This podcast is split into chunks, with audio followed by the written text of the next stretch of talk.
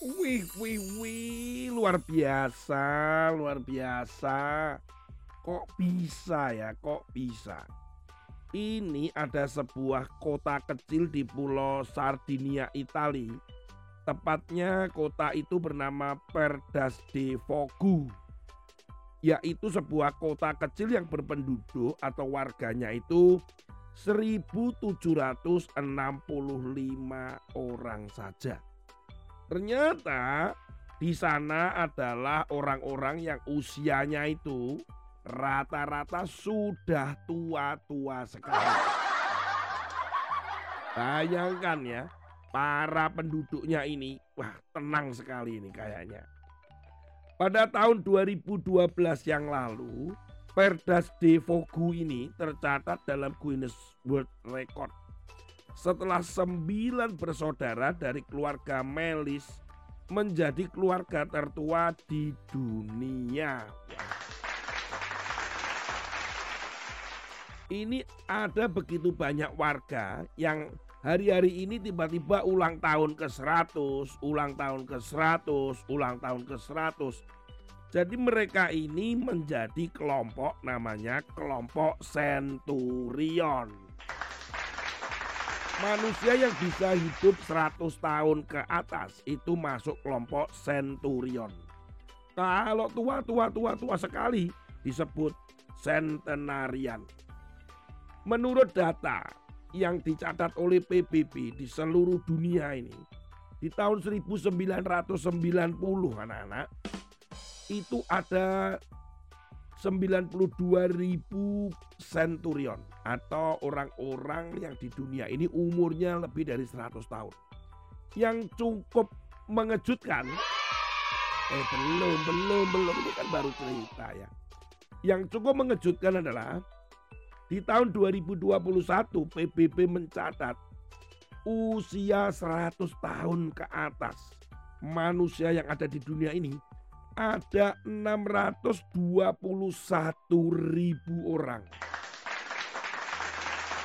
Diperkirakan dalam 10 tahun mendatang akan ada satu juta orang yang berusia di atas 100 tahun.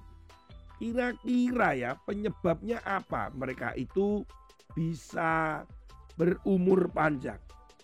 Menurut beberapa penelitian, setelah diselidiki, selidiki, selidiki, survei di beberapa kota, itu ternyata apakah benar faktor makanan?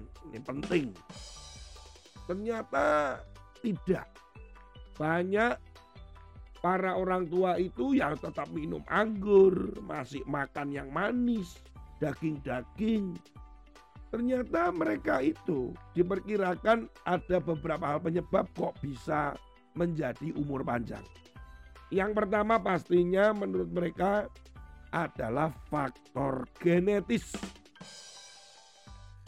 Artinya genetis adalah keturunan. Dari keturunan ibunya, ibunya neneknya yang memang rata-rata berusia di atas 100 tahun. Tetapi ada hal yang lain lagi.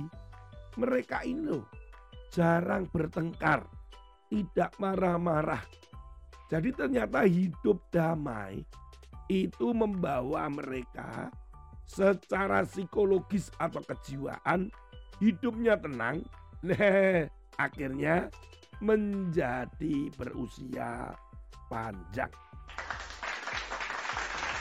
Oh tidak pernah bertengkar, tidak pernah bermusuhan. Bahkan dari artikel yang lain, mereka suka memberi. Memberi kepada tetangga, memberi orang yang lewat. Wah, kalau seperti itu umurnya bisa panjang jang jang jang jang jang jang. Panjang sekali lah pokoknya. Ngomong-ngomong tentang umur yang panjang, ternyata rata-rata umur panjang di dunia ini yang paling panjang atau paling tidak memenangkan rekor adalah Jepang. Ternyata usia rata-rata di Jepang itu 85 tahun. Sementara untuk negara-negara yang ada di Afrika, terutama Afrika Tengah, itu yang paling buruk di dunia. Rentang usianya itu atau angka kesempatan hidup itu ada di posisi nomor satu yaitu 54,36 tahun. Jadi banyak yang meninggal di usia-usia dewasa begitu tapi ya masih produktif sebenarnya. Nah, anak-anak, negara-negara itu ketika diteliti semua tempat itu ternyata kan tidak ada pertengkaran, kemudian mereka hidup damai. Itu salah satu penyebab juga yang membuat mereka usianya jadi panjang. Firman Tuhan hari ini kita akan belajar tentang Amsal pasal yang ke-29 ayat yang ke-22.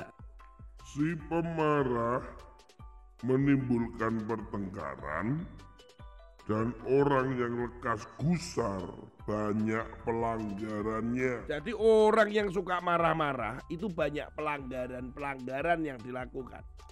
Tidak bisa mengendalikan lagi dirinya.